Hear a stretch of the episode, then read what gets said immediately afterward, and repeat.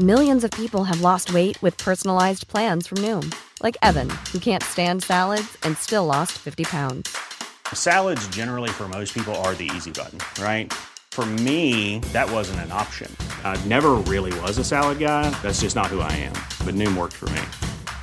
Get your personalized plan today at Noom.com. Real Noom user compensated to provide their story. In four weeks, the typical Noom user can expect to lose one to two pounds per week. Individual results may vary. Den där... Den här bruden som du håller på med, eller nyss Prata inte för mycket nu. Det här är en podd. Ja. Kan vi klippa tillbaka? Ja, vi får klippa i början. Nöden har ingen lag. Hej! Stötta gärna oss på Swish. Nummer 123 535 4857. Ni kan också följa oss på Instagram och Facebook under Cyril och Stig. Jag vill påminna er om att ni kan anmäla er till vårens kurs i kreativt skrivande, Författarnas skola. Vi kommer att eh, husera någonstans i centrala Stockholm, antagligen Kungsholmen. Vi kommer träffas åtta gånger varannan vecka från och med första februari. Priset är cirka 5 000 kronor. För mer info mejla cyrilochstig.gmail.com cyrilochstig.gmail.com Välkomna till ett nytt avsnitt av podcasten Cyril och Stig i otakt med samtiden. Podcasten produceras av Storywood. Dagens gäst är fotografen Johan Bergmark. Johan började fotografera rockband i tonåren och efter att ha gått Christer Strömholms fotoskola har han linat sig som fotograf. Han är framförallt känd för sina porträtt. Stora regissörer som Francis Ford Coppola och David Lynch använder hans bilder som pressfoton. Nu är han aktuell med fotoboken Let There Be Rock som sammanfattar 27 års fotograferande av rock och popband. Bilderna ställs också ut på Lydmar Hotel fram till den 10 februari 2019. Han är också aktuell med utställningen Svenska filmarbetare på Galleri Kontrast som pågår fram till den 6 januari. Ja, välkomna säger vi till Johan Bergmark som är hemma hos mig här på Kungsholmen. Vilken ära! Ja, du är aktuell med boken Letter Baroque med dina fotografier från musiker. Exakt. Med min favoritbild av dig. Ja, det är Du har film, omslaget. film, folk som filmvärldar. Nej, så inte den här. Men däremot så du har en utställning på Lydmar. Det där säger väl påan. Och sen har du en utställning på Kontrast. Med film. Precis. Musik på det, det blev lite tätt på vilket... Hur kommer det sig att allting är samtidigt? Ja, men det är väl så livet funkar. Först har- händer inte ett jävla skit, sen kommer allt på en gång. Ja. Eh, Det är ju väldigt sällan att allt är utspritt och perfekt så att Ja. man kan få den där lediga dagen som man behöver. Ja. Det är ändå har man för mycket ledigt då får man ångest och så har man Ja. inte ledigt alls. Och då är det 120 km i timmen. Vi har ju mest träffats på krogen och så har vi gemensamma med Stefan Jarl. Och Precis. sen har jag jobbat ibland genom jobbet som journalist med din fru. Just Så jag har inte dragit Ja. med dig på för mycket dumheter efter krogen. Jaha, det är fruns fel att vi inte har pajat tillräckligt Jo, men mycket. vi var på väg på någon efterfest någon gång efter Harvest. Ja, det, Ja, så vi det hittade nog inget öppet ställe. Men, Ja. men, men, men däremot så däremot när jag lyssnade på, du var ju med i en podd från tidningen Vi. Jag Yes. såg att vi har ju otroligt mycket eh, likhet med varandra. Att vi började med hårdrock båda två. Vi är ungefär lika gamla. Din första hårdrockkonsert var Black Sabbath. Black Sabbath på Hovet. 83 med Ian Gillan, Pretty Ja. Förband. Min, min var två månader innan Iron Maiden, Peace of Mind. Ja, det är för jävligt. Men då får jag väl slänga in att, att jag såg Sten och Stanley på EPA i Huddinge innan, innan du såg Iron Men jag hade sett The Botters på Grönan också i trean. Men, men däremot så, du, du var också lika för att din, min pappa dog när jag var 14 och din mamma dog när du var 14. Och man Ja. tydde sig till det här med Ja, musiken. musiken drog ju upp mig ur en svart hål av kära och Och hårdrocken var ju than life tog, tog mig tillbaks till, eh, till livet Men faktiskt. du växte upp här i Stockholm också? Ja, Huddinge. Jag är född i Kärrtorp. Men du började fota då med konserter och så. Ja, det blev ju så. Det var, jag var helt besatt av Black Sabbath. Eh, inte av Black Sabbath i sig, som också är ett väldigt fantastiskt band, men av, av den här rörelsen, av musikens kraft och publiken som svarade. Att det var, Ja.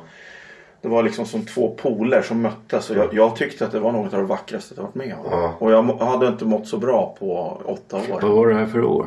1983. 83, 84 eller? Eh, och, och jag blev ju liksom så nästan religiös upplevelse att se Black Sabbath. Men när kom de fram alltså? När stod de? Nej, De kom Det fram typ tidigt 69. 70-tal. De ju- egentligen hårdrockens... All hår- hårdrock kommer egentligen från arbetarstaden Birmingham. Det är Black Sabbath, Judas Priest, Led Zeppelin. Okej, Och Black- för Led Zeppelin hörde jag ju då när de kom förr. Ja, och först och Black Sabbath var väl som en sämre i början kopia av Led Zeppelin. Inte lika bra jag minns musiker. Så det blev, det blev som en art i form av eh, installationskonst Ja, men på lyssnar, blues. Lyssnar man på Black Sabbath idag så är, så är det ju en monoton Ja. rörelse framåt. Det är ganska mycket jazz. Ja, gitarristen Ja. saknade ett finger så att de fick... Så att, eh, det var ett väldigt intressant sound. Eh, Nej, men jag minns ju Led Zeppelin från den här brunvita LPn. Är det andra eller första? Det är Kåda. andra. Det är andra. andra. Ja. Men den med Stairway to Heaven, Hold Nej, det är tredje. Det är tredje. Den har inte någon namn. Det är en gubbe, en trollkarl på omslaget. så Ja, hette de inte så en, bruna två, så- tre, fyra de första plattorna? Ja. Sen så kom de en med ett namn och då undrar man vad fan håller de på med? Ja, men det var, det var en LP med Hold on Love och Stairway to Heaven. Mm. Stairway to Heaven sista låten på första sidan tror jag. Hålet of Love är ju fantastiskt. Ja, men du, så, så, du fick presskort och sånt? Ja men då var det då, vart jag helt besatt och det här måste jag se igen. Hur ska jag, gå, hur ska jag fixa det här? Jag har ju inga pengar. Jag var ju, jag var ju 14 år. Jag, jag gick i plugget. Jag, jag hade ingen inkomst. Och det är ju inte billigt att gå på konserter. Liksom. Ja. Indexmässigt måste det vara lika dyrt idag att gå och titta på någon sån här hiphop-artist för 1500 spänn som det var för mig att gå och se på Black Sabbath på min tid. Men då, då, då måste jag in och då måste jag lösa det där. Så då hittade jag på en, eh, en tidning som inte fanns. Och låtsades vara journalist och behövde recensera. Och så fick jag väl gå lite extra högt Ja. när jag kom dit. Och så fake presskort gjorde jag också med jävligt raffinerat. Laminerat Ja, och med det- bild och hela Det, grejen. nej, nej, jag, själv, jag själv hade ingen tanke på att bli journalist utan jag ville bli rockstjärna. Så att jag plankade in tills jag kom Ja. på ett smart eh, knep eftersom jag redan då hade problem med polisen. Och så skrev jag till, många av rockstjärnorna hade själva haft, kom från ganska trasiga bakgrunder. Tog autografer brukade jag sticka till ett brev där jag skrev Living on a Bristol, att jag bodde på ett ungdomshem. Och kan du ge mig och mina vänner biljetter? Så fick jag alltid backstagepass och, och grejer. Titta, det där var ju smartare. Alltså, nu blir jag ju lite avundsjuk. Jag gjorde den, den långa vägen, journalistsängen in då. Alltså kunde man sno andras för då tog de inte lägg på presslistan. Så vi snodde ju ofta de här Anders Tengner och Stefan Johansson och de där hårdrockjournalisterna tills de började införa lägg. De stod där och grät med tjejer för att de inte kom in. Då var det vi som hade snott deras grejer. Ja, men alltså, jag, jag måste ju säga att jag tyckte ju den här plattan med Led Zeppelin som jag då köpte när den kom. Det måste ha varit 72 eller något sånt. Det låter inte orimligt. Och eh, ja, den tyckte jag var fruktansvärt bra. Men sen fattade jag mig aldrig på det här med hårdrock. Och hårdrock behandlades ju också väldigt styvsint. Va? Ja, det såg som lite löjligt. Ja. Sen- Sjöholm i sitt ess. Nej men alltså jag, jag undrar ju där. Alltså eftersom jag ändå Ja, visst ja, då var det som gangsterrap ja. Sivert Öholm. Alltså det var djävulens musik. Så Ja, fan. Ja, vi men are Satan's people. Ja, Ja men alltså jag fattar ju ingenting av det där. Och så var jag då på en väldigt underlig fest. Jag ska väl inte kanske gå in på, på det så mycket. Men då hade de, det var en kille som jag känner. Och han hade bjudit in alla rock, eller massa kända rockjournalister. Eh, och eh, det här var alltså i Söderköping. Alltså, det var en ganska bra bit från Stockholm. Och vi skulle åka någon sorts Cadillac tillbaka till Stockholm. Och då tänkte jag, då hade jag ju dem här i bilen. Va? Så jag tänkte fråga dem, alltså, vad är det för grej med hårdrock? Vad är, det för skillnad mellan black metal, eh, heavy metal och sådär? Va? Eh, kan ni förklara det för mig? Och de förklarade ju, de tyckte det var jättekul att förklara det. Va? Så jag fick nog en ganska bra föreläsning. Så frågade jag då så här, men är det, är det bra då? Nej men det är ju, det är ju kul. Ja men hur då kul? Alltså, skrattar ni då när ni gör det? För jag, jag, tyckte, jag tyckte inte det var bra. Jag har jättesvårt för all form av etikeringar på, på musik. Jag tycker att det, är, det ska inte finnas några gränser. Nej det tycker och- inte jag heller. Men, men alltså, jag fattar inte själva grejen med... Eh, alltså eh, jag har ju hört och det jag tyckte har varit bra det var tidig Lords of the New Church. Sen tyckte jag också. Aerosmith var bra. Eh, men det är ju liksom en form av melodisk hårdrock. Det är rock. Slut. Men det, alltså, det var mycket alla de här Jag tycker, hårdspraybanden. säger Det man det hårdrock idag så det är var- det nästan ett skällsord. Jag är inte superförtjust och var aldrig det heller i band som Iron Maiden och, Nej, och Scorpions nej, och Saxon och det här. För det är någon sorts låtsas... Ja, mycket hårdspraybanden var inte heller bra. Det var Nej. egentligen bara Motley Crue som var med punk det är liksom schlagermusik fast Ja. med lite högre Däremot det som Stig borde ha haft koll på. Jag vet inte om du har varit inne på det på black metal. De har ju blivit omsvärmade av konstvärlden. Att det ser som någon performance. Men, lite men, fint. men då och- händer ju någonting i dynamiken. Det är lite Ja. som Black Sabbath igen. Att, att det är väldigt monotont och riffigt. Och, Ja, och tonbyten. Och, ja, men det är faktiskt intressantare. och visuellt också. Och det med. Kiss. Ja. Men hur, hur, sen då? Hur utvecklades det sen? Ja, eftersom jag då inte kunde lämna några recensioner eller visa den där tidningen för de här mindre aktörerna där jag faktiskt kom in på mitt fusklegitimation. De ville ju undra vad fan vad är det du jobbar någonstans egentligen? Så ja men eh, ni måste ha missuppfattat det här för jag är ju fotograf. Mm. Drog jag till mig då. Så var jag tvungen att köpa en kamera på Hobbex. Och sen nästa gång så var jag tvungen att ta lite bilder. Ja. Som jag sen gjorde i källaren och sen lämnade. Så på den vägen blev det. Så att jag, jag har aldrig varit intresserad av bild. Jag har ju varit intresserad av musik. Och sen så hamnade jag som fotograf för att jag hade lätt för mig. Och det var jävligt roligt. Jag försökte men jag var för dålig. Eller jag köpte för en avancerad kamera. En sån här Olympus OM10. Ja, det är för att James Bond hade en sån. Ja, i början gick det bra men sen lyckades jag, jag tog på Dee Snider i Twisted Sister. Smet in på presskonferensen och tog och sabbade en hel rulle för att jag inte tog bort den här spärren utan bara slet med våld när jag Ja, skulle ja. skruva bak filmen. Och då, efter det blev jag så besviken så jag gav upp min fotokarriär. Ja. Ja, jag slutade min. Jag fick en Folkländer av min morfar. Eller jag ärvde den. Och sen så skulle jag åka till Turkiet. Det är, det är, de, den sista bilden jag tog. Det här var 1980 och var i gränsen mellan Turkiet och Syrien. I den, I den lilla stad som de här som har rosa drömmar kommer ifrån. Midjan. Ja, ja, okej. Och så var jag där och skulle ta bilder och jag blandade ihop fotometer. Så allting blev oskarpt. Det är, den där rullen skulle man ju vilja se. Och, det kanske är konst idag. Det kanske är konstigt då men jag blev så jävla besviken på mig själv så jag har aldrig tagit en bild. Sen har jag Fan vad plåtat. ni ger upp lätt. En vevade sönder filmen och de Ja. andra glömde att ställa skärpan. men- Sen var det klart. Nej, Ja. men sen fick jag Jurik och de här på, på, och Stefan på Svenska Dagbladet Ja. när jag jobbade där. De- Holzer. Ja, precis. Ja. De gillade mina kort som jag tog i, i New York. Och då lärde de upp mig lite in, hur, hur jag kunde ta med perspektiv och sådana där grejer. Så då började jag plåta mina egna artiklar i New York. Ja.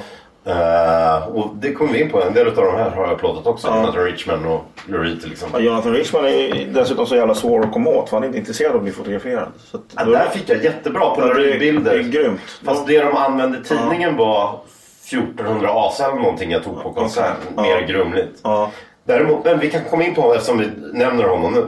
För jag upplevde, han är ju, det sägs att- som jag skrev i artikeln, att den enda som har varit på mer Lou Reed-konserter än Lou Reed. Ja, det är, det är Jonathan Jonathan Richman. Richman. Han har nog varit på de inställda Ja. konserterna också. fan. Ja, han, ju, skrev ju Ja. låten väldigt Ja. arrogant som Ja. jag tycker är helt fantastisk. Ja. Och Som börjar som en Jag, dansbandslåt. jag vet inte vem det är. Vem Nej, är det är här kult indie Det, han är smal Ja, som fan. Det är för nördar Ja, och, och även skåd, duktig skådis är med i en del så smartness-filmer och sådär. Jag vet inte fan om han är en duktig skådis. Jag tror bara att han är Nej, han var där och typecastad. Ja. För att då, då får ju Jonathan Richman spela. Däremot vill jag höra hur du upplevde honom. För att jag upplevde honom så jag skrev, jag ska ju släppa en bok nästa höst tror jag. Okej. Om New York-punken som eh, konströrelse. Eftersom Ja. jag, det var ju mer, medan i England var punken mer en nationell skandal och för tonåringar med Sex Pistols och sånt. Medan New York med Television, Blondie, Richard Hell, Ronny Fanders och, och alla de här. Så var ju det mer en konströrelse och Mm. ingen lät direkt som vi förknippar med punk. Alla lät olika och det var mer en konstscen och då hade Basquiat och allt kommer från Warhol och Lou Reed och Iggy. Ja, eller så kommer det från Roadrunners som, som Jonathan Richman skrev Ja. först och sen Ja. så kom Ja. faktiskt... Ja, jag, och jag har intervjuat alla utom David Byrne men, och honom var jag på väg att få förra året. Men missade i Rom. Däremot så, och sen har jag också inte Patti Smith. Men henne intervjuar jag i sommar har jag tänkt. Sen Ja men klar. jättebra. Behöver du bilder på då vill du eller? dig. Det kan du ge dig fan på att jag vill. Ja, men jag, du jag- bara vackrare och vackrare. Jag, jag, jag träffade en kille som heter Henrik Garn. Som Kim tipsade mig om honom. Jag, jag frågade om är, är det någon som verkligen kan tidig punk?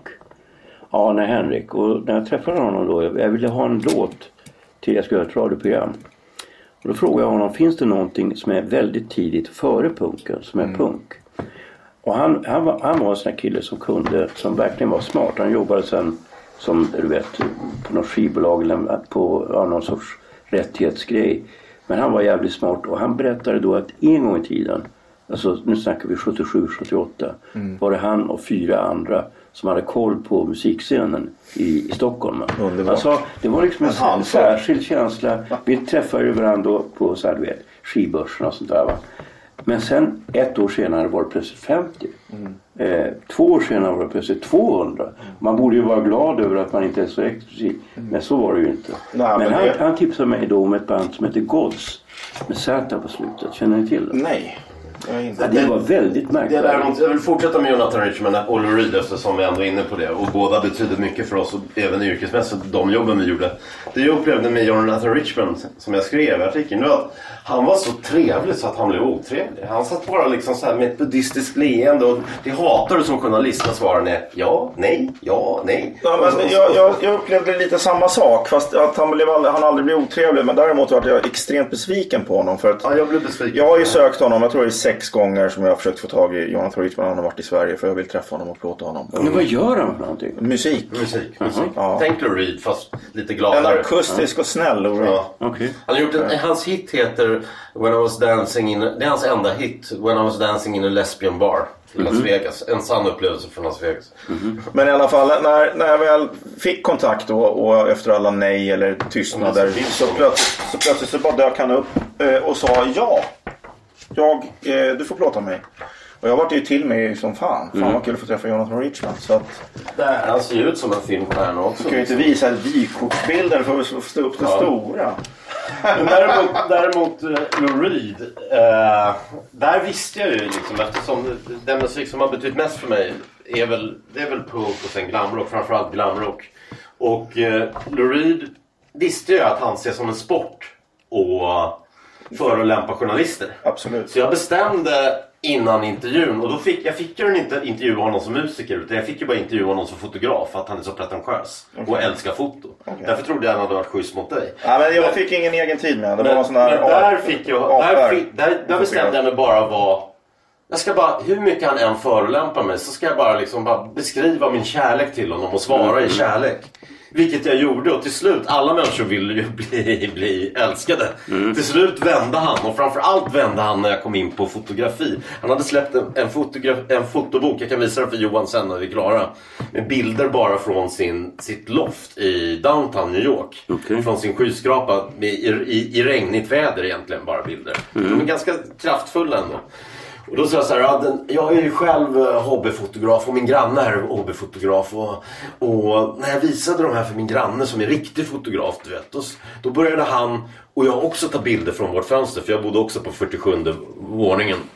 Eh, och det som Ezra Pound säger, Art is art that stays new. Och det är precis som Velvet Underground och det är precis som dina foton. Han bara, ah, och då ska jag lära dig. Du ska ha ett filter på, på, på fönstret. och då öppnade han upp som fan. Ja, Och det du säger om Velvet Underground, det var du som sa det. Så att det gick att smickra honom till slut. Men dig var han alltså otrevlig också. Ja, men vi, det var ju ett gäng fotografer. Han var här och gjorde reklam för någon platta. Jag kommer inte ens Då var Jurek på Svenskan med också. Ja, han vet. tog en liknande Ja. också där han bara Han, handen han tog den för, någon sekund innan jag fick ta, ta innan jag tog min. Men ja, det, var en, det var ingen rolig upplevelse. Han kom in och suckade och stånkade, tittade ner i golvet, rättade till brillorna och gick. Och då tycker jag då kan man ju helt enkelt bara låta bli och visa upp sig. Då, då kan man skita i det. Och, och jag tyckte det var jättejobbigt för att jag älskar, älskar ju. Lou Reed så jävla mycket. Den, den öppnar hela din bok. Ja, dels för att jag tycker att eh, det där är Lou Reed i ett nötskal. Ja. Skygg som fan fast han älskar att stå på scen. Samtidigt. Ja men Lou Reed, Lou Reed är ju helt enkelt väldigt bra. Fantastiskt. Det är han är större på många sätt än Dylan och och Leonard Cohen också textmässigt. Att han är mer stringent. Även om I man kan vara värld så är han det, men kanske inte i den stora världen Ja. totalt. Jag men, uppfattar ju Bob Dylan som en Man kan annan... både göra mörker och, och, och, och skönhet på något sätt.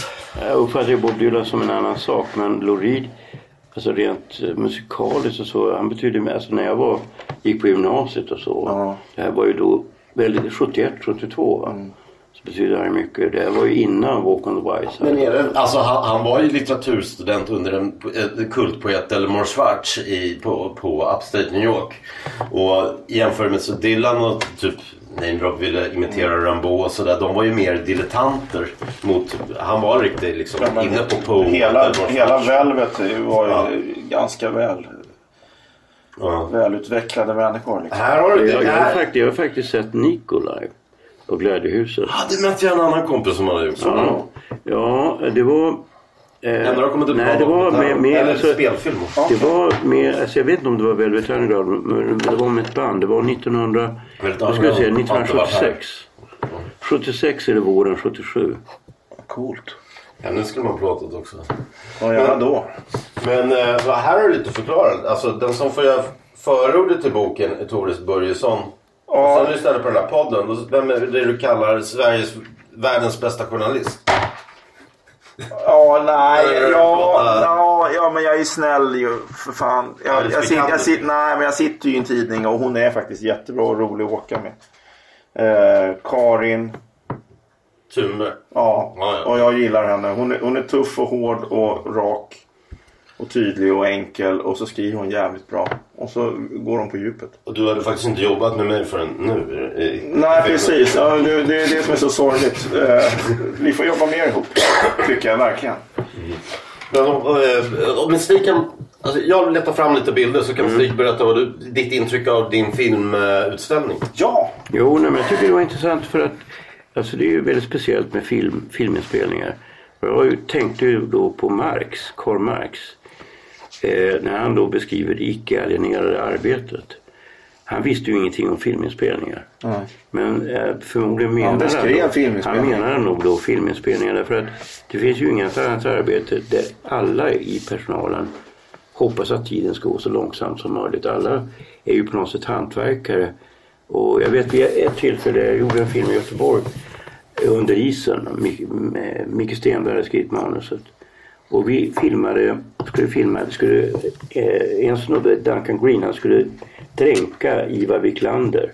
Alltså trycka ner honom under isen. Och den här tagningen var ungefär, säg fem minuter lång.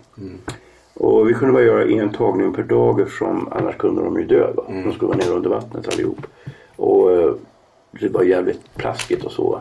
Och vi hade ju tagit då två tagningar så isen var på något sätt liksom, man såg att det var vakar. Va? Det var ändå liksom utanför Göteborg och det var is, vilket var tur. Va? Och så har vi då en eftermiddag på oss. Och så faller ljuset och vi måste liksom salta ner isen.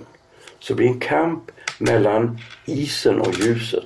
Isen måste bli mörkare Okej. för att man inte ska se vakarna. Samtidigt som ljuset måste hållas uppe. Jag försöker mina det är också, händer det är också en tid på året att ljuset faller väldigt fort. Ja, det faller fort. Och samtidigt börjar det snöa. Och jag börjar försöka, för jag brukade kunna reglera väder. Mm. Så jag försökte hålla bort de där snöflingorna. Va? Samtidigt som vi har då, vi har alltså 13 minuter på att ta en fem minuter lång tagning. Vi kan inte göra om den. Och vi är ungefär 18 personer. Och, och det fixar sig. Va? Men då, alltså de här minuterna försökte vi få att vara så långa som möjligt. Hur ofta är arbetet så att alla försöker få tiden att gå långsammare? Ja, alla utom producenten kanske. Som tycker att det är jävligt dyrt med filminspelning och vill att det ska gå fort. Du har berättat om din kärlek till musik, att det kommer att betyda så mycket. Men sen, ja, film betyder ju också mycket för unga människor och sådär. Men, men eh, är det genom din fru eller Stefan Jarl du har jobbat med film och tv? Så hur kommer det sig, eller är det ditt eget intresse Ja, för det film? det är du har ju gjort otroligt mycket för film. Ja, men det är mitt och din bild på David Lynch har väl han använt som världsplansch till och med? Eh, na, ja, det tror jag kan att han har gjort faktiskt. Och sen så eh, även Francis Ford Coppola har min bild som pressbild. Tycker jag är lite coolt. det är coolt. För han är ju så är halvstor. ja, ja. Är Men, men det är ett egenintresse. Alltså jag, är, jag, är, jag har inte kommit med någon bok eller visat några bilder på, på poeter eller författare. Eller kommer. konstnärer. Men liksom jag, man gillar ju det. Man, jag gillar den skapande människan. Så jävla enkelt är det. ja. Sen ärligt talat, jag gillar alla människor. Mhm. Och man är ju nyfiken på folk. Och, Så för mig är inte bilden i sig det viktiga. Utan det viktiga är att jag måste komma åt den här figuren. Hur fan gör jag det? Ska jag ringa upp eh, den här personen och säga kan inte vi ta en kaffe? För det gör Då du lägger, ibland. Ja det gör jag, rätt, det gör jag jätteofta faktiskt. Men då är det ingen som vill sitta och fika med mig. Men man säger hej jag heter Johan Bergmark, jag är fotograf, jag skulle vilja ta ditt porträtt. Mm. Då plötsligt får jag komma dit. Hur var det med, för vi, vi, jag kan visa den sen, men, men, men den så, med Olle Ljungström, för du var en av mina bästa vänner. Hur gick den bilden till? Eh, du Olle- berätta lite om det. Olle- Det kan kul för läsaren. Olle hade ju precis kommit hem från Afghanistan och sett eh, ett Ja, barn sprängas i, i, i ja. smulor precis Ja. utanför sitt Ja, han hotell. filmade det. Ja, han filmade och stod på balkongen och såg hela skiten. Och det där tog ju honom stenhårt. Så att han gick ju på alla andra tabletter och mådde jättedåligt. Och vi hade en, en intervju för just film och tv inbokad med honom. Så han bara sköt på och sköt på och sköt på. Och, och plåtningen försvann och det hände ingenting. Men till slut så kunde han. Så då, då kom han förbi min lokal i Hornstull. Och så drog vi ut på Långholmen och så skottade vi av de här bilderna på, vad kan ha tagit, en kvart. För jag kände att han inte var superintresserad och då vill man ju vara snäll. Mm. Så gick vi tillbaks till min lokal. Av någon jävla anledning hade han en golfklubba med sig som han skulle plocka upp. För den hade han lämnat i lokalen. Eh, och så frågade han om jag hade något att dricka. Ja, jag har en flaska whisky. Ja, fan kan jag inte få ett glas? Det är klart du kan. Så vi satte oss ner och så snackade vi om allt. Precis allt. Och eh, så plötsligt var flaskan slut. Och så såg jag i hans ansikte hur ljuset ute föll. Och blev liksom dunklare och dunklare på Olle. Och han blev bara snyggare och snyggare. Ja, ja. Kan det ha med whiskyn att göra också. Men eh, kände det fan Olle, jag måste få ta två bilder till här nu. i- Där du sitter. Precis där. Jag tror att den är Ja. tidigt. Eh, och eh, då tog jag dem. Jag hade två rutor kvar i kameran. Och så blev det den bilden. Och sen en bild när han blundar. Valde jag faktiskt också. Man kan ju inte ha tio Olle Ljungström-bilder i boken. Det får ju bara bli en. Liksom. Det finns ju vissa som gör sig så otroligt bra på bild också. Liksom. Du har Robin där till exempel. Hon är också Ja. snyggare på bild än i verkligheten på något sätt. För att hon har någon utstrålning. Så jag gillar hennes Olle- tänder och de syns Ja. inte på bilden. Här är Robin. ja. Nej men eh, det är det där ansiktet jag vill ha på alla människor. För jag, alla snackar om att alla är så olika. Olle Ljungström är, är, är olika på sitt sätt och sen, Ja, är, sen, och, och sen är det någon annan som, som, som har sin karaktär och man ska försöka hitta Nej men jag upplever, Olle jag upplever det med fotografer för att jag har blivit fotad så jävla många gånger i, nu ska vi se, det är ju 30-40 år, 40 år. Och det är något, alltså nu är det ju ibland så att man inte hör när de tar bilden. Det är klicket. Nej. Men jag föredrar att man hör klicket därför att när de säger att ja, nu, nu ska jag ta en Vill bild. du ha kaffe? Ja, Ja, ja. gärna. fortsätt Ja. Ja, då, då, då är jag medveten om att nu ska, nu ska man ta en bild av mig. Ja. Då försöker jag koncentrera mig på just den grejen att man ska ta en bild av mig. Ja. Och då blir ju också uttrycket, jag kan inte hålla det hur länge som helst. Nej. Det är inte så att jag försöker göra mig själv snyggare på något sätt men jag försöker på något sätt vara koncentrerad. Och det är sånt är fint. Jag älskar ju att göra tvärtom. Att jag försöker skala bort alla uttryck som finns. Så att alla människor Nej men alltså det är ju en sorts nolluttryck. Men Exakt. att det jag är på något sätt ändå riktad mot, Ja. mot, bild, mot kameran. Va? det, är, det de- nolluttrycket jag är ute efter. Jag Jo men det är handlar, det handlar om en total avslappning. Ja. Men att få den där totala avslappningen kräver en form av ansträngning. Fattar du? I- Absolut. Millions of people have lost weight with personalized plans from Noom, like Evan, who can't stand salads and still lost 50 pounds. Salads, generally, for most people, are the easy button, right? For me, that wasn't an option. I never really was a salad guy. That's just not who I am. But Noom worked for me. Get your personalized plan today at Noom.com. Real Noom user compensated to provide their story. In four weeks, the typical Noom user can expect to lose one to two pounds per week. Individual results may vary. Hey, it's Ryan Reynolds, and I'm here with Keith, co star of my upcoming film, If, only in theaters, May 17th. Do you want to tell people the big news? All right, I'll do it. Sign up now and you'll get unlimited for $15 a month in six months of Paramount Plus Essential Plan on us. Mintmobile.com slash switch. Upfront payment of $45 equivalent to $15 per month. Unlimited over 40 gigabytes per month. Face lower speeds. Videos at 480p. Active Mint customers by 531.24 get six months of Paramount Plus Essential Plan. Auto renews after six months. Offer ends May 31st, 2024. Separate Paramount Plus registration required. Terms and conditions apply if rated PG. Och, och när jag då tar bilder, jag, men jag minns jag var i Paris var en, en tjej som tog, hon tog tre, fyra bilder av mig. Men jag visste att det skulle bli bra. Samma sak Lütfi Özkök. Han, är- ja, han är ju väldigt bra fotograf.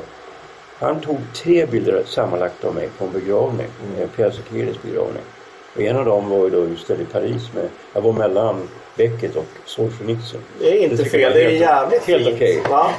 Men det var, alltså, Mellan tre- Beckett och Solzhenitsyn. Ja, men det... tre bilder och en blev så jävla bra va? Vad fick du för stackare på kontrast på sidorna? Det kommer jag inte ihåg. Men det var inte sån Men hur dignitet. gjorde du urvalet på kontrast? För där, där sa ju du att du hade fått välja mellan... Först skulle du ha Jonas Hassan Khemiri där. Och det är klart att om du väljer mellan Stig och han så är ju valet självklart med tanke på Ja. Stigs bidrag till film. Han är Guldbagge och han har inte bidragit med något. Men galleristen blev lite sur att du bytte ut Stig. Hörde. Eh, nej, jag bytte inte ut Stig. Nej, ut med. Jonas. Ja. Nej, men det, det vart ju... Det som stör mig är att, att, att inte... Det var alldeles för lite bilder på, på hantverkarna som inte syns alls. För jag hade ju en väg där jag ville peppra upp eh, 130 bilder med häftpistol typ. Med alla de här grovarbetarna som drar kabel och, och kokar kaffe och det. Och då, då, nej, men det är ingen som förstår. Och då, jaha, okej. Men då, då gör vi så här så förstår folk. eh, Och då får jag ta det nästa gång. Jo men alltså det är, det är ju det som jag tänker på när, jag- när jag diskuterar det här med kvalitet på 90-talet. Alltså när man arbetar på en filminspelning och så ser man då, jag skulle säga framförallt ljudtekniker och elektriker. Alltså om du skulle säga till dem att det med kvalitet är någonting godtyckligt. Då skulle de bli väldigt upprörda. Och det är okej. Vi tycker att det är okej att de tycker att det inte är godtyckligt. Att det inte är subjektivt. För annars vad, vad betyder deras hantverk? Alltså jag minns ju då Lasse Stålberg som ju räknades då som en av de främsta elektrikerna i Sverige. Han var ju då, han var med även på den här simbeserien jag gjorde 2007. Och jag minns ju honom från 1983. Och jag minns också 1983 hur vi var på Långvik skär utanför, alltså långt ute i skärgården. Och han gick, han gick bort och jag följde efter honom. Jag tänkte vad fan gör han för något? För han gick och tittade så här. Så jag gick kanske 40-50 meter bakom honom och så till slut upptäckte han mig så här. Vad fan gör du Lasse? Ja, jag kollar. Ja, men vad kollar du på? Jag kollar på ljuset. Han stod och tittade på ett träd. Och så, så det är liksom inte den här, alltså den här ljusmätaren då. Den kan inte mäta det. Nej, vad fan, annars behövdes ju inte jag. Alltså, jag, jag, alltså och när, du står att höra. utan, när du Ja. står utanför det hela. Va? Då, då fattar du liksom inte att det är faktiskt ett hantverk att bedöma ljuset Mm. som inte kan göras med en, en ljusmätare. För på utställningen på kontrast, eh, förutom Stig då, så, så bilder som är väldigt bra som jag vet inte om William Dafoe var med där. Nej, det är min favoritbild av den- Då, då undrar jag varför den inte var med. Där, Sen- därför att utställningen heter Swedish Film. Och Ja, jag ville, ja. jag, min tanke var att hylla den svenska filmindustrin. Ja, visst, och kopplade en av mina grundidéer var då att eh, Mm. visa upp våra svenska Oscarsbelönade regissörer och, Ja. och skådisar. Men också de här grovarbetarna. Och nu vart det lite för lite sånt. Ja, Tyvärr. Vad var bakgrunden? Hur, fick du till William Dafoe-bilden? i vilket Eh, det, han var ju här och fick någon sån här häst från Stockholms filmfestival. Okej. Och då erbjöd jag mig att plåta deras gäster eh, mot ingen ersättning. Så får de använda bilderna och så får jag komma åt gästerna. Eh, och det har funkat jävligt bra i ett par år faktiskt. Eh, för jag får träffa folk på ett enklare sätt. Eh, jag var den enda som fick en egen tid med Defoe när han var här. Max von Sydow gillade också på utställningen. Och Den den är svingammal. Den är väl från den här Jerusalem presskonferensen. Okej. Innan de ens hade satt igång och filmat in. Ja. Eh, och, och talade om vilken cast de skulle ha. Mm. Och då var ju alla intresserade av huvudrollsinnehavarna. Eh, som så var det Maria Bonnevie tror jag. Ja, det var det. Ja, och sen en kille som jag glömt bort vad han heter. Mm. Erik något tror jag. Så då passade jag på att suga åt mig Max von Sydow och Hasse Alfredsson lite snabbt där i ett hörn. För jag var ju betydligt mer intresserad av dem. Ja. Jag minns ju Max von Sydow. Vi var då i, tillsammans i, i Eugene O'Neill House i, utan, i Connecticut. På en, eh, det var jag och Jonas Gardell och Bodil Malmsten och någon till från Sverige. De har ju då någon festival där varje år. Och han var där. När är det här ungefär? Det var 1991. tror jag. Okej. Och jag vet att när vi skulle åka tillbaka. När vi skulle åka tillbaka så på flygplats på, i New York heter det va? Jag tror det. Och eh, då, då stod jag och snackade med honom och då kommer en markvärdinna och säger att, säger att det har blivit något fel med din biljett. Och bara för att vi stod och pratade med varandra, han skulle till Köpenhamn och jag skulle till Stockholm. Så fick jag first class istället för, alltså jag hade ju inte ens business För att du stod bredvid Max von Sydow? Ja, att vi, pra- att vi kände varandra. Så fick jag då. Ehm, Stig fastnade för den här bilden, en av de första som kommer upp. Lill-Babs. En åldrad Lill-Babs. det är Ser klart. väldigt vacker ut. Det är klart att han fastnar för Lill-Babs. Hon är väl den enda i den här boken som har haft Beatles som förband. Jaså, Det är ganska tungt tycker det är jag. rätt tungt. Ja, min brorsa tog, var den som tog hit dem faktiskt. Honom har jag haft i podden i höstas, Dag Hedqvist. Och här har vi Håkan Hellström innan han började permanenta sig. Ja, och Ah. innan han börjar med hatt också. Men du verkar också som det varit mycket amerikaner som har hjälpt för dig. Ja, nu sista åren har jag, alltså från, om det började med hårdrock och sen så hamnade man ju i grunge-träsket. Jag var ju jävligt hård på Pearl Jam Nirvana. där Ja, kom. den bilden måste vi prata om. Ja. Den kan vi ta redan nu. För Eddie det- Weather. Den, vilken grym konsert då. Ja, så sjukt Jag plankade in. Jag gjorde bondpermis från Klättrade du över staketet Ja. på baksidan? Ja. Och, och taket. Precis, jag förstår. Den, Gjorde du det också? Nej, jag hade faktiskt köpt en biljett. Jag hade ju fått äran att se dem Det var slutsålt. på något annat litet ställe året innan. Ja, ja, där vid, Ja. vid, vid regerings... Exakt, som jag aldrig vet vad det heter. Ja. Jag säger Kolingsborg, Ja, men det precis. det Då inte. var det bara 200-300. Precis när grungen slog. Ja, och då visste jag inte ens vad det var för band. Jag hade Ja. bara lyckats få tag i någon plåt genom någon och så hamnade man där. Och jag var helt knockad vilket liveband det var. Vad är detta för något? Sen Ja. skulle de komma till Moderna Museet och bara köpte biljett. Jag tror skivan släpptes veckan innan de gick på scen. Det var alltså, Ja. De hade inte hunnit göra reklam för hur bra de var innan de kom. Men det var en makalös spelning. Alltså helt sinnessjuk. Men du har också Bobby Gillespie ser jag. Och eh, jag har ju träffat honom på ett väldigt, konstigt sätt. Det var på den här heter det, Popcornfestivalen eller vad fan hette Det var ju kompis till Olle när vi pratade om Ja, alltså, Lollipop. Lollipopfestivalen. Ja. Eh, och jag, jag var där för att jag skulle, om jag skulle läsa dikter eller snacka. Men nej, jag skulle ha någon diskussion med Karina Rydberg. Och så jag hade sån här VIP-pass. Alltså jag gick in bakom. Jag tänkte jag skulle se Primal Scream för jag gillar dem. Ja. Så kommer jag gående bakom deras tält. Så kommer det ut en snubbe som visar sig vara Bobby Gillespie och säger Are you the man? Och jag, fattar, Yes, alltså jag, är så såklart. dålig, jag är så dålig på engelska så jag tror att han menar är du en man? Så jag säger yeah, no, no, I, I, I'm not that man. Han tror att jag var langare. Ja, det var leverantören. Precis, den som de har ringt in. Var det skönt att du fick? Ja. Den här har jag inte markerat, men vilka är det här? Jag tänker mer på tekniken du har gjort när du har... Det här är Det ju... är, det är alltså en uppsjö människor på rad och jag tänker på ett klassiskt foto av, av eh, Richard Avedon från The Factory. Det här är en stöld av Richard Avedon. Ja. Det här är, jag, och jag, Du hade ett sånt på utställningen också med filmarbetare. ja, jag stjäl hej vilt alltså. Det, för det blir nästan aldrig exakt likadant i alla fall. Det är vit bakgrund som Avedon också. Ja, men det är jäkligt svårt. Hur många är de? De är väl så här 17 pers någonting Ja. gissar jag. Utan att räkna dem. Och då är det väldigt svårt att få en bra gruppbild på 17 Du personer. har inte en sån vidvinkel så att 17 går? Utan du Eh, jo, dem- men det blir inget bra. Nej. Det blir inget bra. Du får ju inte någon kontakt med 17 personer. Ställ upp 17 personer och ska ta en gruppbild. Då, då måste du Mm. dra in elefanter och hästar och, och balettdansöser och sånt för att det ska bli intressant. Mm. Men 17 personer rätt upp och ner om du vill ha det här nolluttrycket som, Mm. Ja. som Stig snackade om. Då går inte det. Men om jag då tar en grupp på fyra i Mm. stöten och sen så tar jag fyra och sen så tar jag tre och sen så tar jag fyra. Sen så tar jag två. Och så klipper jag ihop dem. Eh, Med, med tydligt att det är helt enkelt. Jag har, jag har en halv person och så får den andra halvan vara med på nästa bild. Då får man den där kontakten. Alltså det, det här är ju som singelporträtt fast det är en gruppbild. Ja. Och det är lite det jag var ute efter. När gick det också, en fråga som bara får nu. För du kör, din estetik är ju svartvit nästan alltid. Även om jag vet att du tar färg Jag, också jag, ibland. ja, jag måste. Annars skulle jag Ja. inte få några jobb. Ja. Eh, då, då, då skulle ingen ringa mig om jag sa att jag bara Ja. plåtar svartvitt. Och nu tar du ju svartvitt med digitalt. Men när gick du över från film till, eh, till uh, svartvitt? Ja, jag är helt värdelös på årtal till skillnad från eh, våran vän här som kan rabbla Ja, men siffror. han har Asperger. Ja. Är det Asperger? Är inte autism? Jag, var, jag var väldigt sen. Jag var, Du har dubbeldiagnos. Ja, jag var väldigt sen med, med digitalt. Jag, första digitala leveranserna jag gjorde, då plåtade jag med film. Eh, gjorde, soppade filmen. Gjorde printar. Skannade printarna på en skanner. Jag som hade en negativ scanner. Det var så jag tog Jonathan Richman Ja men nu Dagbladet. snackar vi alltså att jag gjorde printar och sen skannade jag printarna dagen Aha. efter på en flatbäddsskanner. Drog in dem i datorn, tog bort all damm, brände dem på en CD-skiva och skickade dem till tidningen för de ville ha digitala bilder. Så i, säkert i två år plåtade jag analogt men de trodde att jag var digital. Ja, jag tog analogt men det märkte ju redaktionen på Svenskan direkt. De tyckte det var ett jättejobb att sitta och putsa Ja men det, bilden. det, bort jag, det var ju det jag fick göra Ja. för att kunna leverera bilder. Ja. Så att, I två års period så jobbade jag fyra gånger så mycket som alla andra fotografer för jag fick Ja. så jävla dubbeljobb. Jag så tänkte jag, jag, jag ger upp, jag måste lära mig det här.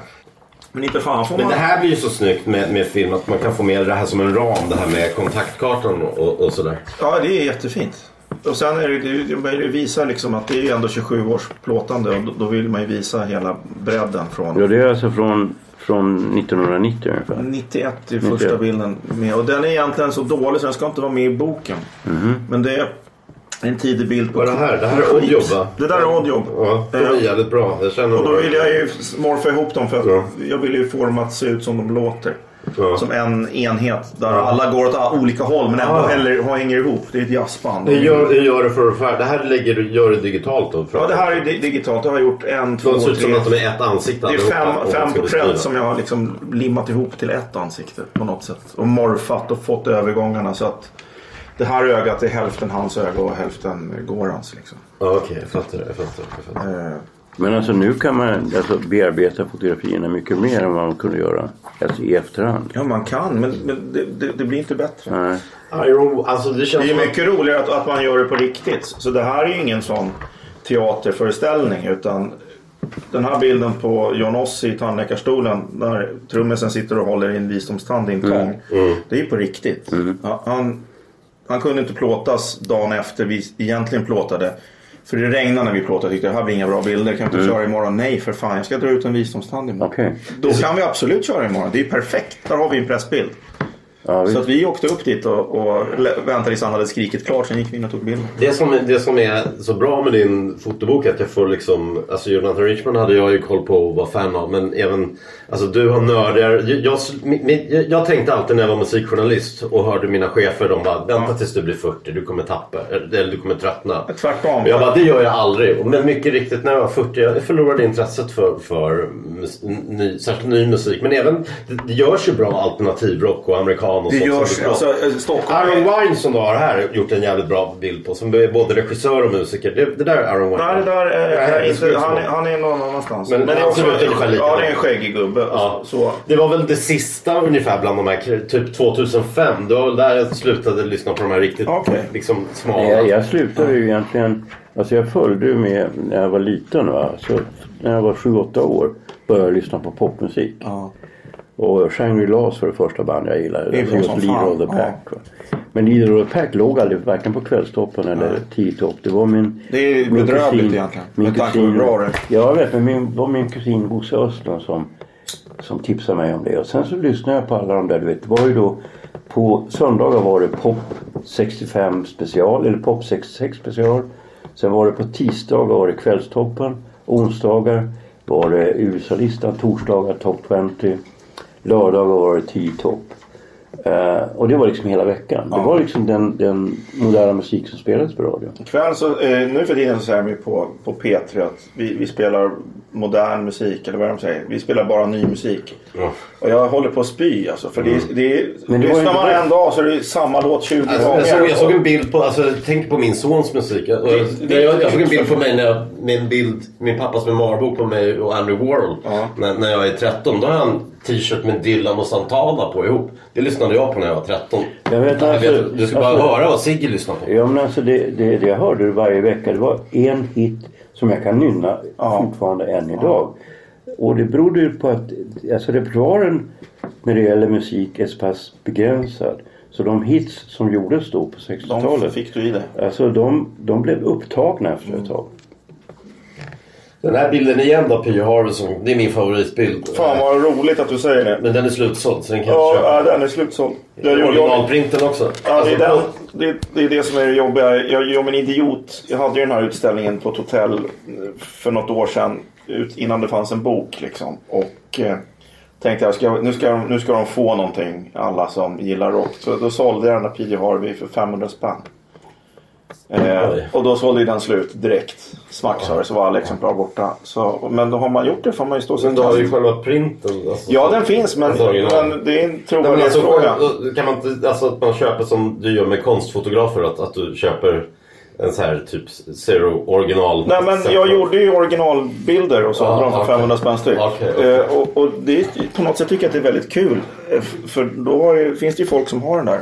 Ja, och, den, och den var köpvärd. Ja. Och, och då kan inte jag hålla på och, göra Nej, en ny det- det storlek och en ny upplaga. det är en trovärdighetsfråga. Ja det är en trovärdighetsfråga. Och den där är ju också, i, i fotosvängen så är ju den den är ju jävligt väldiskuterad och det finns ju en hel del hala figurer som Ja men då gör man en annan storlek, då kan man göra en ny upplaga. Ja. Och jag tycker fan inte att man gör inte så helt enkelt.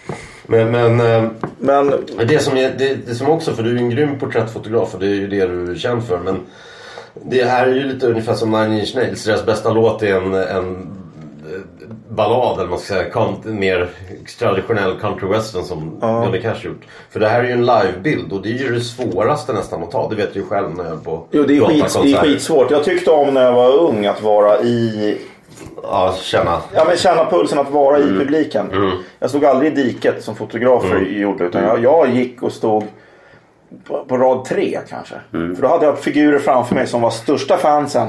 Som rörde sig och, och, och fick kontakt Mm. med artisten. Och då fick jag den, det spelet. Det finns massa bilder, livebilder med händer i. Som jag tycker är jätteviktiga. Att det är kontakt. Jag har ju brukar jag berätta lite nördfakta om just med fotografer. För hon, är, hon har någon favoritfotograf som heter Penny någonting. Som, som, har, som plåtar alla hennes omslag. Och hon har henne som också favoritobjekt. För hon säger det är den enda som vill se fulare ut på bild än vad hon är i verkligheten. Som vill se så ful ut som möjligt. Det kan ligga något i det. Och man älskar ju människor som tillåter en att plåta dem och deras svagheter. Ja. Eh, det är därför jag plåtar mer gubbar än kvinnor tror jag. Jo, men det är klart att det De, är... de, ja, det är mycket gubbar ja, här. de slappnar av och det är helt okej att man ser jävligt får ut i ansiktet och trött ut. Det gör Det här inget. var en vacker kvinna. Det är Miss Li Oj. som... Eh, det var rätt länge sedan. Det här, den här känns lite som eh, eh, David Baileys på Mick Jagger när Ja. han har den här för... Precis, vad heter det? Så här. Ja, för någonting. Den där päls. Men där hade formgivaren på förslag som omslag till boken och sa det går inte, det ser ut som en modetidning. Det måste ju vara, Ja, måste ju vara rock. Den, Ja. är för, den är för snygg, punkt slut. Den kan vi inte ha som omslag. ja. Här är ju Stig Sven, Conny Nimmersjö. Är det Den ju skön. Ja, alltså jag Han har vi haft i podden också. jag hörde ju honom... Eh, Han ska spelas på 1900 radion. Alltså, det är ju sånt jävla generalfel där tycker jag. Ja. Ja. 1987 så hörde jag honom. Det var första gången han spelade i Stockholm. Ja. På en privatfest. Och jag gick fram till honom efteråt och sa. För jag hade ju då eh, hade arrangerat då den andra konserten med Ebba Grön. Jag hade i princip upptäckt docent död. Och eh, som heter, du vet docenterna va? Ja. Och eh, då så, och 1987 så hörde jag honom då så jag gick fram till honom och sa du kommer att bli en, en rockstjärna. Eh, jag ser det på dig. Ja. Du har liksom grejen. Och det var ju då långt innan de, de blev Bob Bob Hund. Hund. då. Ja. Jo men alltså, du kan ta det cool liksom för du kommer bli en rockstjärna. Jag har aldrig fel. Och jag såg också, du vet. Han säger upptäckt Thåström också. Nej men alltså, du vet Arne Brun hon hade en konsert i när hon var 15 år med sin mamma. Det var hennes mamma som skulle uppträda. Det här var i Molde. Så är det en kvinna som säger, ja min dotter vill också uppträda om det är okej. Och då var det den här Arne Brun som var 15 år då. Och hon, hon spelade då den här Headphone Silence. Jag hajade på en gång att det här blir ju en världshit. Så jag gick fram till henne och sa, fan tjejen du kommer att bli en världsstjärna.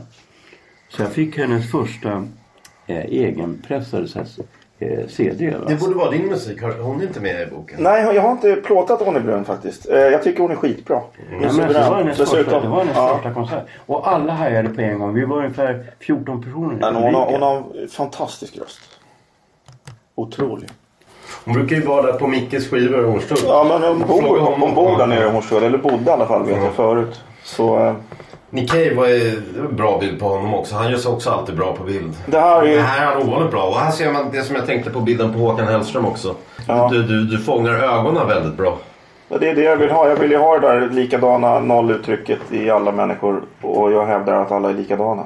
Att man är inte olika. Nick Cave och, eh, och du, ni är samma snubbe. Ni vaknar också med ångest och har ont överallt. Och, ja, någon annan Nej, jag, har ångest, brukar, jag brukar inte vakna med ångest. Den stiger en Du, annan som heter du, nej, men, du somnar med ångest kanske? Ja, jag tror att jag, kväll. jag, jag har inte haft ångest. Nej men grattis, det är ju jätteskönt. Nej, jag vet att du har haft Men, ångest. men den här, alltså den här eh, Nick Cave-bilden, den...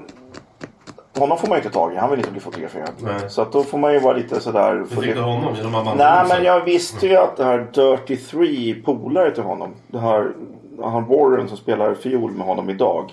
Ja, ja. De spelade på Roskildefestivalen på Ja, ja, dagen. har polare som... Ja, I ett litet tält för, för typ 60 pers. Ja. Och då visste jag att ja, men Nick Cave ska spela ikväll. Så om han är i stan, då är han ju där och tittar på sin kompis. Ja, visst. Och det var han ju också. Inte bara titta, han och PJ Harvey stod och hånglade bakom scenen. Och Fick du en bild på det med? Nej, det, den tog jag inte med, av hänsyn till det. Eh, men då passade jag på att springa bakom där sen när de kom ut. Och, och då tog jag eh, först Nick Cave, för mig var det Ja. viktigast. Och han var inte intresserad riktigt och så, så drog han vidare. Och sen passade jag på att hänga lite med Mick Harvey och PJ Harvey. Och Jag var ju så dum som jag inte tog... När, när jag, jag plåtade Angelina Jolie. Och då hon bara... Där ser man också hur, trots att du är en superstjärna, det här som du säger, vanliga, att du kan bli osäker. För då, då plåtar jag henne. Hon låter mig till och med komma in på rummet. I vanliga fall på så här press junkets. Det, det får du aldrig göra. Eh, men då hon bara, men ska du inte ha en bild på dig och mig? Jag, bara, jag tänker bara, de här kommer jag tjäna jättemycket pengar på. Jag bara, nej nej nej, bara på dig. Och då ser man så här hur hon blir jätteosäker. Och sen har hon frågat på mig, nästa vecka, den där syrran, är du från Sverige? Ja men Den de blir syrran." nyfiken på dig som inte vill ha en Ja, idolbild, eller hur? Ja, precis. Och sen det där att man visar att man fotograferar så att de ser det. Att man inte smygtar bilder utan man håller upp kameran innan man trycker på knappen. Så du, här är jag och en kamera, nu ska jag ta en bild på dig. Så att de vet om det, då gör man det. Sen var det ju bara, sen var det ju bara det att hon, hon själv blir plåtad hundra gånger per dag. Så jag tjänade ju bara 800 spänn på den här bilden. Det är det som svenskan publicerade Mm. typ ungefär. Men då var rubriken i alla fall Girl Next Door. Så det, det var en av mina framgångsrikaste bilder på det sättet kanske. Som du ser, en jävla massa amerikaner i den där. Men det, är Ja. för att, det är för att jag har Men gått från hårdrock skulle till, till, till Hank Williams. men färdas jag skulle- baklänges. Ja, men det var det jag skulle säga. Jag upptäcker ny musik. Just Ja. Eftersom jag själv har tappat kollen. Så jag lyssnade på det här bandet Morphine. Då hade tagit en bra Ja, men det är så jävla Det bra. skitbra. Ja, det är, jag tycker att det är ett av världens bästa ska, band. all, allt jag inte känner till den här, i den här, det är det som är så bra med Spotify. Det ska, det ska Ja, jag du- kolla upp. Du får inte lyssna på Kjell Lönnå då. Fast du kanske känner till honom. Där är han. Jo, det? visst. Den här killen, den här snubben som eh, kör körsång och grejer i Sundsvall. Jaha. Men jag fick ner han, jag ville ha en rock'n'roll-bild på Kjell så att jag fick ner han med Morgon Rock i cykelkällaren. För jag tycker att den är... Den är väldigt ovanlig på honom. Kjell, Kjell Lönnå? Ja. Jag känner ju en namn där. Ja, ja, han var polare med min Thomas Wikström nu, Nej hårdrockssångaren. men står i jag sån här glansig kavaj med en kör och vita tänder. Och, Ja. Min pappa var sångare också Ja. kompis med honom. Jocke Åhlund-bilden är också bra. Den har jag sett förut tror jag.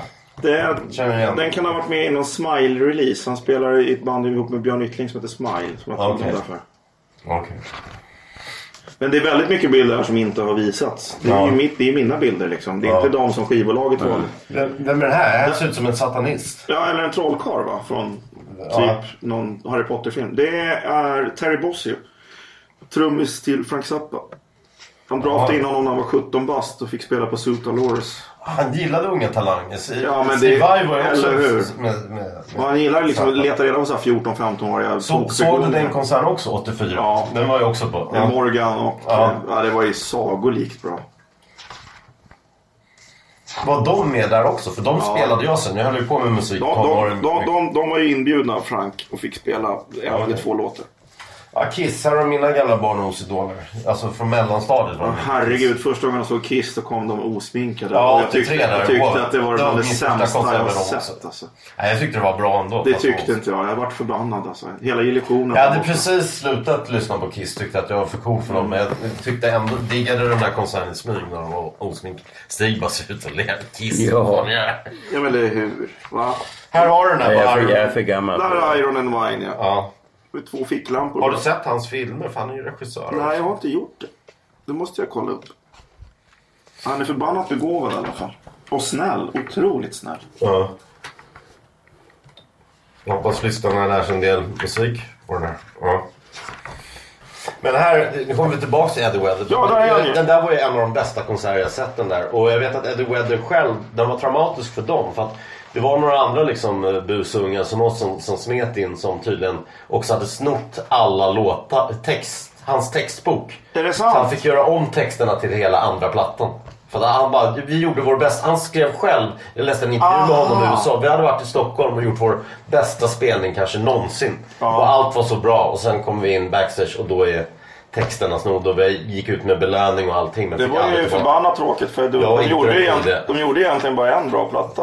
Ja. Nu tycker jag att den är bättre. Rear View Mirror är jävligt bra. Ja, jag vet inte fan. Och har vi gått igenom musik och film och innan, innan vi avslutar, författare då, vad har du för minnen därifrån? Har du gjort något roligt där förutom Stig? Ja, Stig är nog det roligaste jag har gjort faktiskt. Nej, men Norman Mailer håller jag väldigt högt. Oj, vad pratar han om? Ja. Jag, har faktiskt också pratat men ändå. För det, och det var sådär, jag hade köpt, köpt en ny kamera som jag aldrig hade använt. Och så satt jag på, på bussen in och läste Dagens Nyheter som jag hade, inte hade hunnit läsa hemma. Så hade jag den här kameran i en väska, står och bläddrar in där och ser vad fan är Norman Mailer i stan. Så då får jag ett, ett infall, tar fram min jättestora mobiltelefon och, och ringer till förlaget och frågar om det finns någon möjlighet att få träffa honom. Ja, det är presskonferens klockan ett idag på Diplomat. Och då blir det en liten fotosession efteråt för bla bla bla bla bla. Sju, åtta fotografer.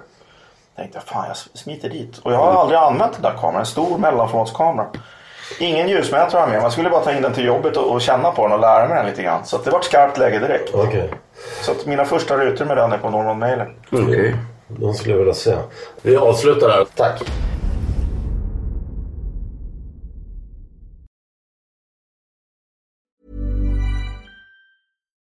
Hi, I'm Daniel, founder of Pretty Litter. Cats and cat owners deserve better than any old fashioned litter. That's why I teamed up with scientists and veterinarians to create Pretty Litter. Its innovative crystal formula has superior odor control and weighs up to 80% less than clay litter. Pretty Litter even monitors health by changing colors to help detect early signs of potential illness. It's the world's smartest kitty litter. Go to prettylitter.com and use code ACAST for 20% off your first order and a free cat toy. Terms and conditions apply. See site for details. Even when we're on a budget, we still deserve nice things. Quince is a place to scoop up stunning high-end goods for 50 to 80% less than similar brands. They have buttery soft cashmere sweaters starting at $50, luxurious Italian leather bags, and so much more. Plus, Quince only works with factories that use safe, ethical, and responsible manufacturing. Get the high-end goods you'll love without the high price tag with Quince. Go to quince.com slash style for free shipping and 365-day returns.